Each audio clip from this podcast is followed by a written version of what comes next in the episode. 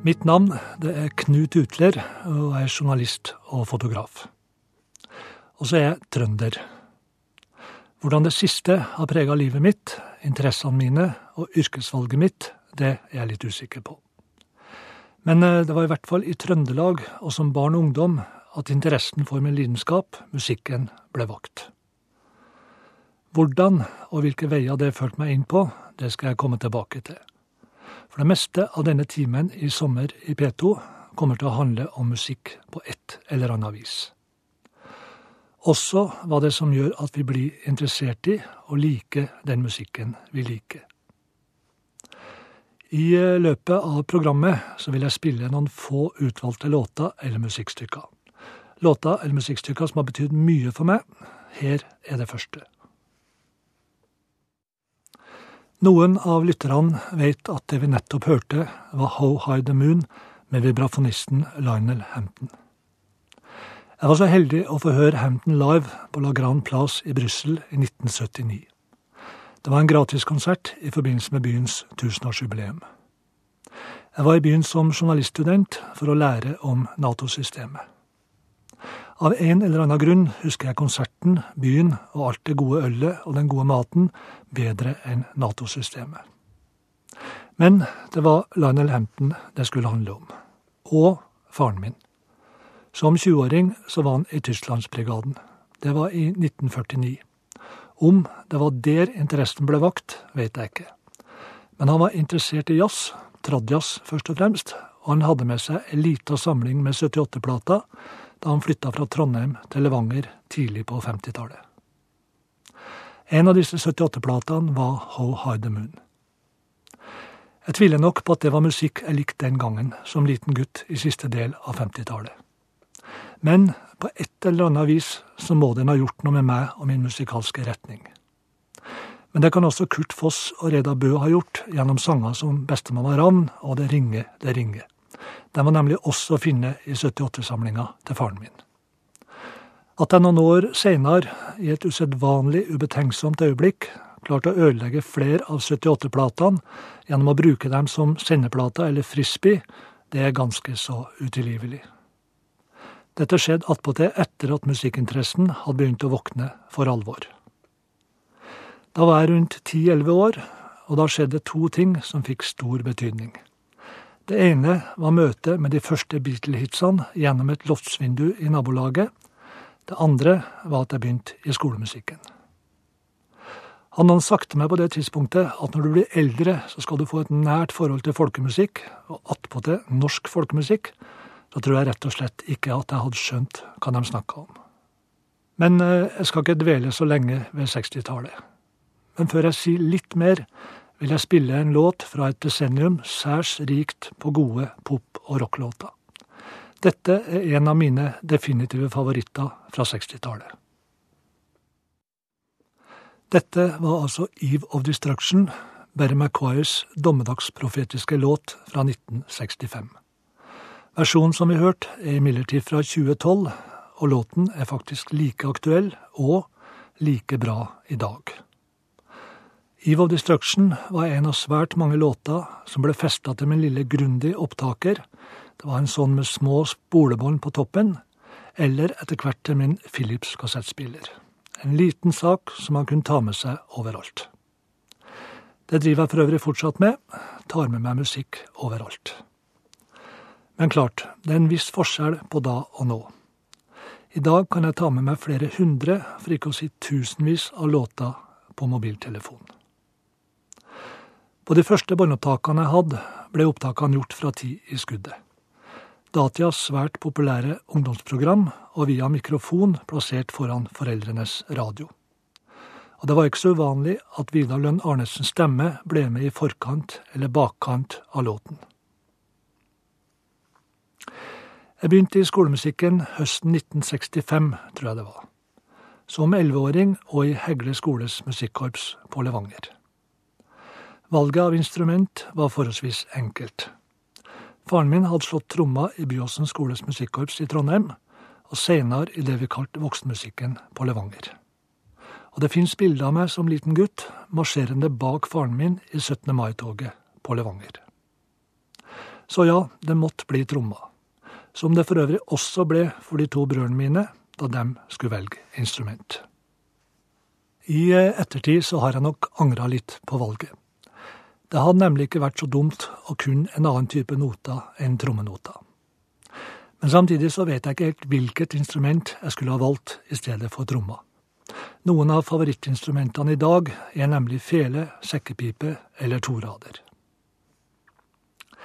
Jeg tror at jeg gradvis på slutten av 60-tallet må ha skjønt og fått sansen for pop- og rockmusikk som var litt på sida. For fra jeg var 17 til jeg var 18, så var jeg til sjøs. Og noe av det første jeg kjøpte for å ha på lugaren på båten, det var en platespiller. Og en av de første LP-ene jeg kjøpte, var med en nederlandsk gruppe som kalte seg Exception. Plata hadde samme navn, og det som møtte deg når du satte på det første sporet, var en tilsynelatende vanlig versjon av Beethovens femte symfoni men ganske fort så gled låten over i noe rocka med piano og trommer. Og hele plata og hele konseptet var rocka utgaver av klassiske, kjente stykker. Både Exception og deres landsmenn i Fokus, som var en annen favoritt på den tida, var vel å regne som prog-rock.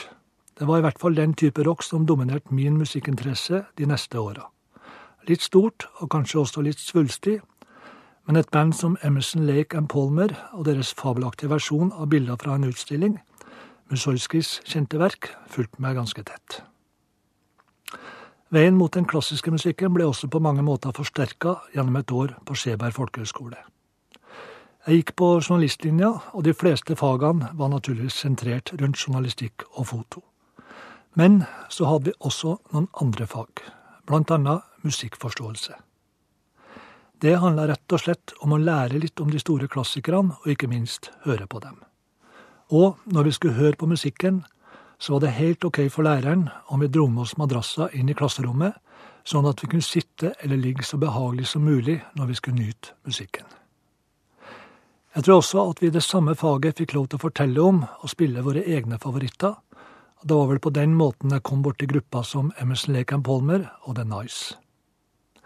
I fokus for både journalistikken og musikkforståelsen sto en fyr fra Fredrikstad, nemlig Kjell Bertaud Johannessen. Kjell var fotograf og lidenskapelig opptatt av klassisk musikk. Og så var han en fintfølende estetiker. Han fikk stor betydning for meg. Han var hovedlærer på journalistlinja, han lærte meg basisen for fotografering og mørkeromsarbeid, og han pensla meg inn på den klassiske musikken. Og etter Skjeberg, på jakt etter min første journalistjobb i en alder av 19 år, vurderte jeg sterkt om jeg skulle droppe journalistikken og heller bli fotograf. Men så ble det journalistjobb i Namsos, ei avis som het Fellesavisa. Et Senterparti- og Venstreavis som hadde Namdalen som nedslagsfelt. Og i et Namsos som i hvert fall blant de unge hadde store navn som Stein Ingebrigtsen og ikke minst Prudens å by på. Jeg har knapt en eneste artikkel fra det året jeg var ansatt i Fellesavisa. Men jeg mener å huske at jeg hadde ansvaret for ei ungdomsside der jeg annet skrev om musikk. At jeg hadde mine første anmeldelser på trykk det året. Sommeren 1974 så skulle Roskildefestivalen arrangeres for fjerde gang. Og dit hadde jeg lyst til å dra. Der skulle annet Savage Rose og Incredible String Band opptre, og Prudence. Så jeg fikk sitte på i bandbussen til Prudence, i hvert fall på deler av turen, og hadde også gjort en avtale med Adresseavisa om å levere noe stoff fra festivalen. Avtalen med Adressa var ganske løselig, jeg kunne levere noe tekst og bilder på Prudens opptreden når jeg kom hjem. Om det kom på trykk først ei uke etter festivalen, var ikke så farlig. I dag husker jeg faktisk ikke om det kom noe på trykk. Men jeg husker en vill og uhemma Terje Tysland på scenen i Roskilde, der trekkspillet hans til slutt delte seg i to. Og jeg husker backstage-området, der annet medlemmer i Savage Rose satt rundt et stort leirbål og delte den største hasjpipa jeg noen gang har sett. Jeg hadde med to filmer til Roskilde. To ganger 36 bilder. Nesten til å le av i vår digitale hverdag. Hadde jeg reist på samme tur med dagens fotoutstyr, hadde jeg sikkert kommet tilbake med flere tusen bilder. Og egentlig ble det bare 36 bilder fra turen. Det ene av de to filmene klarte jeg nemlig å fiksere først, og da var det ikke så mye igjen å fremkalle etterpå. Men det ble da noen bilder, og disse bildene må vel nesten kun karakteriseres som historiske i dag. Kanskje blir noen av de bildene jeg har tatt i folkemusikkmiljøet de siste årene, også det. Men dette med folkemusikken skal jeg komme tilbake til. En eh, liten musikkpause. Litt ukronologisk. For det jeg har lyst til å spille nå, er en ganske ny låt. En av mange som har oppdaga via strømmetjenesta Spotify, og svært, svært vakker, syns jeg. Låten heter Even the Darkness Has Arms, og det er gruppa The Bar Brothers som spiller. Jeg flytta til Oslo i 1977 for å begynne på Journalisthøgskolen. Det ble noen hesblesende år med mye musikk for så vidt, men mest privat. Mye Pink Floyd, Petter Smith, mye Klubbsjø. En av de store musikkopplevelsene var faktisk da jeg gikk og så avskjedskonserten til The Band, skildra gjennom den storslåtte filmatiseringa til Martin Scorsese i The Last Walls. For meg ble Klubbsjø mer et festested enn et musikksted. Jeg opplevde sikkert mye fin musikk der, og mye forskjellig musikk, men det har liksom ikke festa seg i minnet. The Band derimot hadde jeg vært fan av siden tidlig på 70-tallet, og låta som The Wait og The Night They Drove Old Dixie Down står som påler både i musikkhistoria og hos meg. Så det å få sett dem live, om ikke annet på film, var en stor opplevelse. Og naturligvis bonusen som filmen bød på, i form av alle de store gjesteartistene som var med i filmen. Stort bonus var det vel også at jeg mange år senere skulle få en mulighet til å møte bassisten og sangeren i The Band, Rick Danko, sammen med Erik Andersen, Jonas Fjell og Halvard T. Bjørgum på en fest i en togkupé på nattoget mellom Voss og Oslo. De hadde vært på Vossøyas og spilt, og nachspielet tok de i en kupé på toget.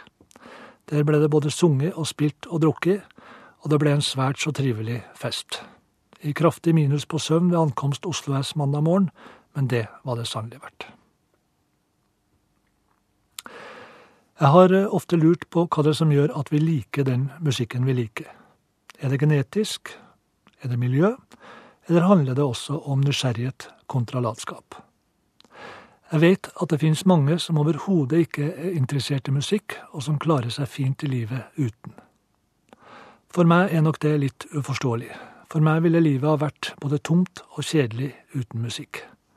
Nå lytter jeg kanskje på mer og mer forskjellig musikk enn de fleste.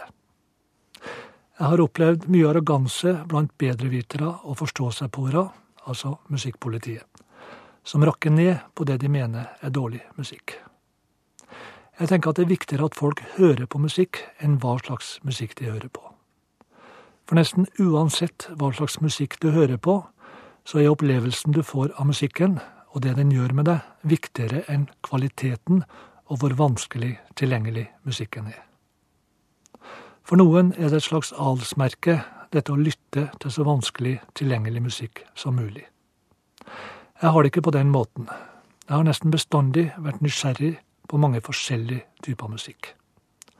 Som folkemusikken og den sterke følelsen jeg har av slektskapet mellom den musikken og naturen.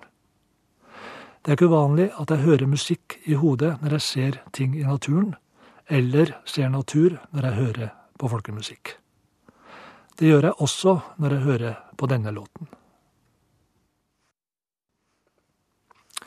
Jeg har fått eh, mer og mer sans for den svenske folkemusikken. Dette var låten Rettvik med Stinnebom, Stinnebom og Dubé. Du lytter til Sommer i P2, og mitt navn det er Knut Utler. I 1984 eh, så var jeg med og arrangerte det store karnevalet i Oslo. Ildsjela hadde bana vei året før, og i 1984 eksploderte Oslo noen junidager i musikk og farger og løssluppenhet. Sambaen er løs, olé, olé, ble et slagord for ellers trauste nordmenn.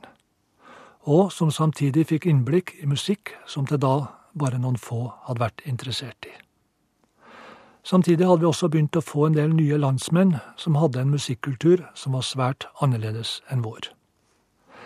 Jeg sugde i meg en del av dette, samtidig som jeg, ganske seint egentlig, begynte å få sansen for artister som Bruce Springsteen og Tom Waits. I bakgrunnen rulla vel også Bob Dylan, sjøl om jeg aldri ble noe kjempestor Dylan-fan. Men at jeg skulle få kombinere musikkinteressen med jobb, det var fortsatt i det blå. Det skjedde først på slutten av 80-tallet. Etter en lengre periode på desken i Aftenposten fikk jeg en mulighet til å begynne som skrivende i kulturavdelinga, og med musikk som spesialområde. Det meste handla om pop og rock. Gjennom talløse intervjuer og anmeldelser var det disse sjangerne som gikk igjen for min del.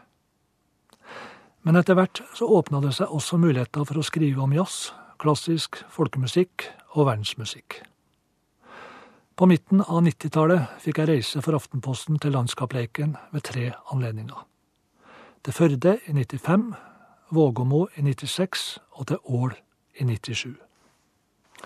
Jeg tror kanskje en del kollegaer av meg i Aftenposten syntes det var unødvendig å dekke noe så smalt som norsk folkemusikk.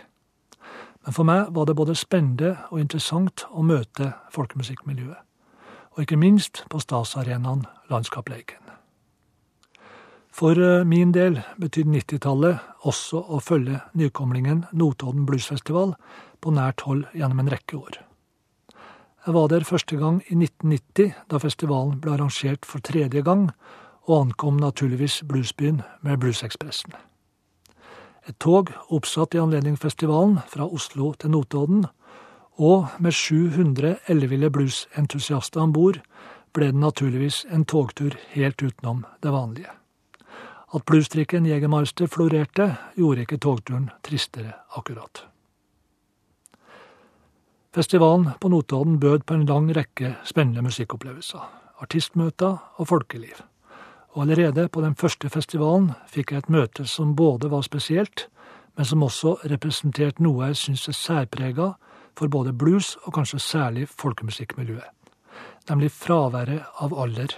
Eller rettere sagt fraværet av at alder har noe å si, eller har noen betydning. Under festivalen i 1990 fikk jeg møte Diamond Teeth Mary. 90-åringen satt i rullestol, men var ellers særs oppegående på scenen i sin framføring av blues og gospel, og ikke minst i sin lovprisning av Herren. Bluesfestivalen og alle andre festivaler ga meg også stor respekt for alle de frivillige som må til for at festivaler skal gå rundt. Jeg har sett det på Notodden, i Førde under Folkemusikkfestivalen, og også på Festspillene i Nord-Norge. Om noen virkelig er heltene i Festival-Norge, så er det alle de som stiller opp gratis for at nettopp deres festival skal gå rundt. Det har jeg stor respekt for. I 1991 fikk jeg et stipend på 25 000 kroner i Aftenposten for å studere et nytt fenomen, nemlig world music. Jeg brukte pengene på en reise til World Music-metropolen framfor noen, nemlig Paris.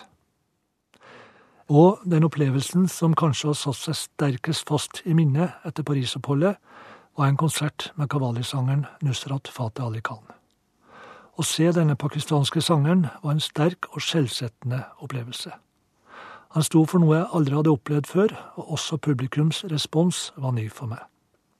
Det vil si, responsen fra publikum kunne minne om den som jazzmusikere får, altså applaus etter en solo. Men her ble det oppvist en sann glede og umiddelbar, ja nesten ekstatisk respons blant publikum etter enkelte av sangpartiene. Jeg fikk eh, flere andre favoritter på verdensmusikkscenen, og en av dem var Salif Keita fra Mali. Her er hans Mosolo.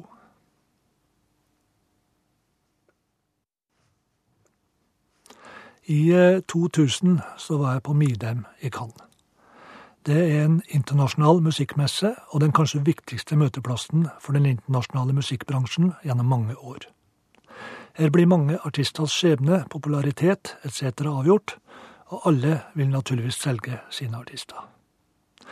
Det som kanskje fikk størst betydning for meg i ettertid, var resultatet av et tilfeldig møte. En tilfeldig lunsj en av dagene på Midem bestemte meg for å gå tilbake til hotellet for å spise lunsj. På bordet ved siden av meg satt det to menn og prata intenst om noe. Begge jobba naturligvis i platebransjen, og jeg ble jo nysgjerrig på hva det var de prata om. Det viste seg å være en artist jeg aldri hadde hørt om før. Hun kommer til å bli enormt stor, oppfatta jeg av praten deres. Så til slutt så måtte jeg bare spørre dem, hvem er det dere prater om? De fortalte meg hvorfor de trodde så sterkt på henne. Og den ene gikk opp på rommet og henta en CD som jeg fikk med meg. Men eh, CD-en ble liggende ganske lenge etter at jeg kom tilbake til Norge. Det tok lang tid før jeg fikk hørt på den. Så satte jeg meg ned en kveld for å høre på plata, og ble mildt sagt ganske svimeslått. Jeg tror det var noe av det vakreste jeg hadde hørt på lenge, og jeg fikk nesten en slags overjordisk følelse. Noe av det rare var også at det var ikke hennes egne låter, men derimot andres, som hun tolka på en fabelaktig måte. Blant annet Stings Fields of Gold. Flere av lytterne har kanskje allerede funnet ut hvem dette er, eller rettere sagt hva. Hun døde nemlig noen år før av kreft. Men jeg skrev en artikkel om henne i Aftenposten, og hun tok jo enormt av. I dag er det vel knapt noen som ikke vet hvem Eva Cassidy er. Da skal vi tilbake til folkemusikken. Og det er Knut Utler som snakker, og programmet er altså Sommer i P2. Som barn husker jeg folkemusikken på radio. At folkemusikaltimen sto på uansett. Det var like naturlig å høre på den som på melding om fiske eller Ønskekonserten, eller hva det nå måtte være. Det var tross alt bare én kanal, NRK. Jeg tviler sterkt på at folkemusikken gjorde noe inntrykk den gangen. Den bare var det, liksom, og ikke skjønte jeg noe av musikken heller. Jeg tror at for å få et forhold til norsk folkemusikk, til norsk hardingfelemusikk, så må du enten være vokst opp med den, altså ha fått den inn med morsmelka, eller så må du være nysgjerrig på musikk. Man må være villig til å gå inn i noe som man ikke vet noe om eller kjenner til. Man må rett og slett gjennom en slags læreprosess. For norsk folkemusikk er ikke enkel å forstå, og hardingfela må man lytte en del på for å begynne å forstå den og like den. At ikke flere oppdager, eller er villige til å oppdage den rikdommen som bor i denne musikken, syns jeg er synd. Men det igjen har sikkert sammenheng med at vi ofte ikke orker å forholde oss til noe som virker litt vanskelig og utilgjengelig. Sjøl nærmer jeg meg musikken gradvis, men det som på mange måter ble det store gjennombruddet, var ei plate med Gunnar Stupseid og Ale Møller. De to møttes på Falun folkemusikkfestival og under en jam oppdaga vel begge to at de likte det den andre sto for musikalsk. Ale med sine fløyter og sin mandola, Gunnar med si hardingfele. De innleda et samarbeid, og et av resultatene ble plata Reisaren, der de tolker folkemusikk fra Setesdal på sin måte. Den plata er en bauta, spør du meg. Jeg hadde fått den fra plateselskapet Heilo, men hadde ikke fått hørt på den før jeg tok den og noen andre nye plater med på en togtur fra Oslo til Voss. Det var i 1997, og jeg skulle på Vossajazz for Aftenposten. Jeg hadde med en bærbar CD-spiller, og på tur oppover en vårlig Hallingdal satte jeg på Reisaren. Den forble i CD-spilleren på resten av turen, og jeg syns den ble finere og finere. Og det toppa seg over Hardangervidda, der det hvite og majestetiske landskapet lå bada i påskesol. Dette var altså da Huldreslåtten med Gunnar Stupseid og Ale Møller. De siste årene har det blitt mer og mer fotografering og mindre og mindre skriving. Folkemusikkfotografen er blitt kalt, og sjøl om det naturligvis er mange andre som tar bilder i folkemusikkmiljøet, så er det for min del blitt et ganske stort arkiv etter hvert med bilder fra konserter, festivaler og kappleiker og andre folkemusikksamlinger. Og det er vel knapt en norske folkemusiker, sanger eller danser snart som jeg ikke har bilder av. Jeg har egentlig ikke noen god begrunnelse på hvorfor jeg gjør det. Jeg har blitt spurt om det flere ganger. Det har ikke noe med penger å gjøre, for der har jeg gått kraftig i minus. Men jeg liker altså musikken, og jeg liker miljøet. Jeg skrev om folkemusikk av og til som journalist i Aftenposten. Ikke mye, men det ble lagt merke til. I et miljø som syntes det var stas når også rikspressen tok folkemusikken på alvor og via den spalteplass. Så da jeg etter hvert som frilanser i siste del av 2000-tallet begynte å ta stadig flere bilder, var det som om det på et eller annet vis falt naturlig å gjøre det. I første omgang på arrangementa Folkelarm, og senere på bl.a. MIR i Oslo, før Riksscenen står ferdig i 2010. Bakgårdspuben MIR på Grünerløkka husa gjennom et par år en rekke folkemusikkonserter. Jeg likte meg der, og syntes puben hadde en fin atmosfære og var med på å gi den norske folkemusikken et byvennlig preg. Det er fint på Riksscenen for folkemusikk og folkedans også, og jeg har vel fotodokumentert noe sånt som 250 konserter der. Men intimiteten på Mir, og samtidig det røffe og rustikke preget som er like, det har ikke Riksscenen. Og pub og folkemusikk kan fungere utmerket. Det har irene vist oss gjennom mange år, og det syns jeg også Mir gjorde.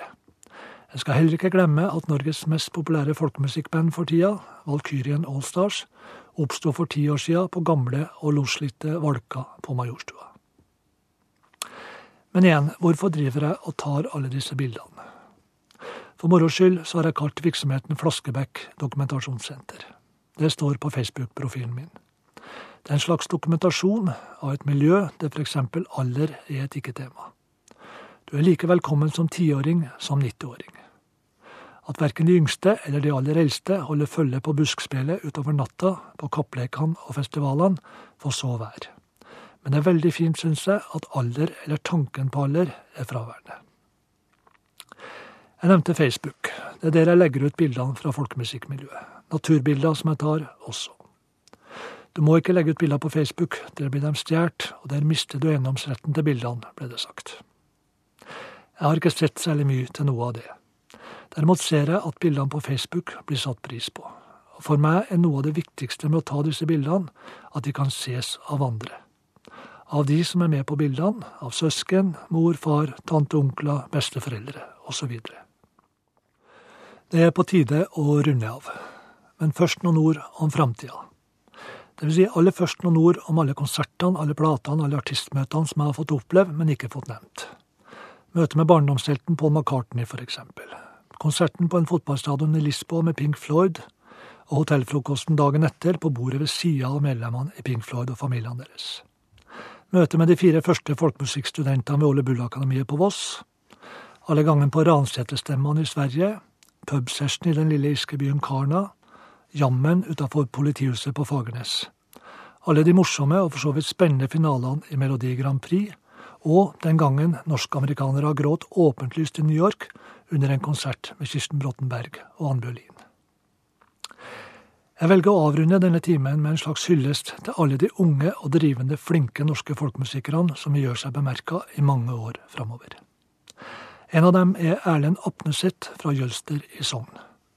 Han er en dyktig, tradisjonell utøver, men også god til å utforske hardingfelas klanglige muligheter.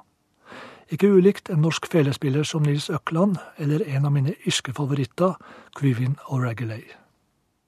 Men her er altså en tradisjonell slått fra Jølster. springer etter Ole Viken, framført av Erlend Apneseth. Knut Utler takker for seg. Jeg håper musikken har falt i smak. Ha en fin dag og ei god folkemusikalsk framtid.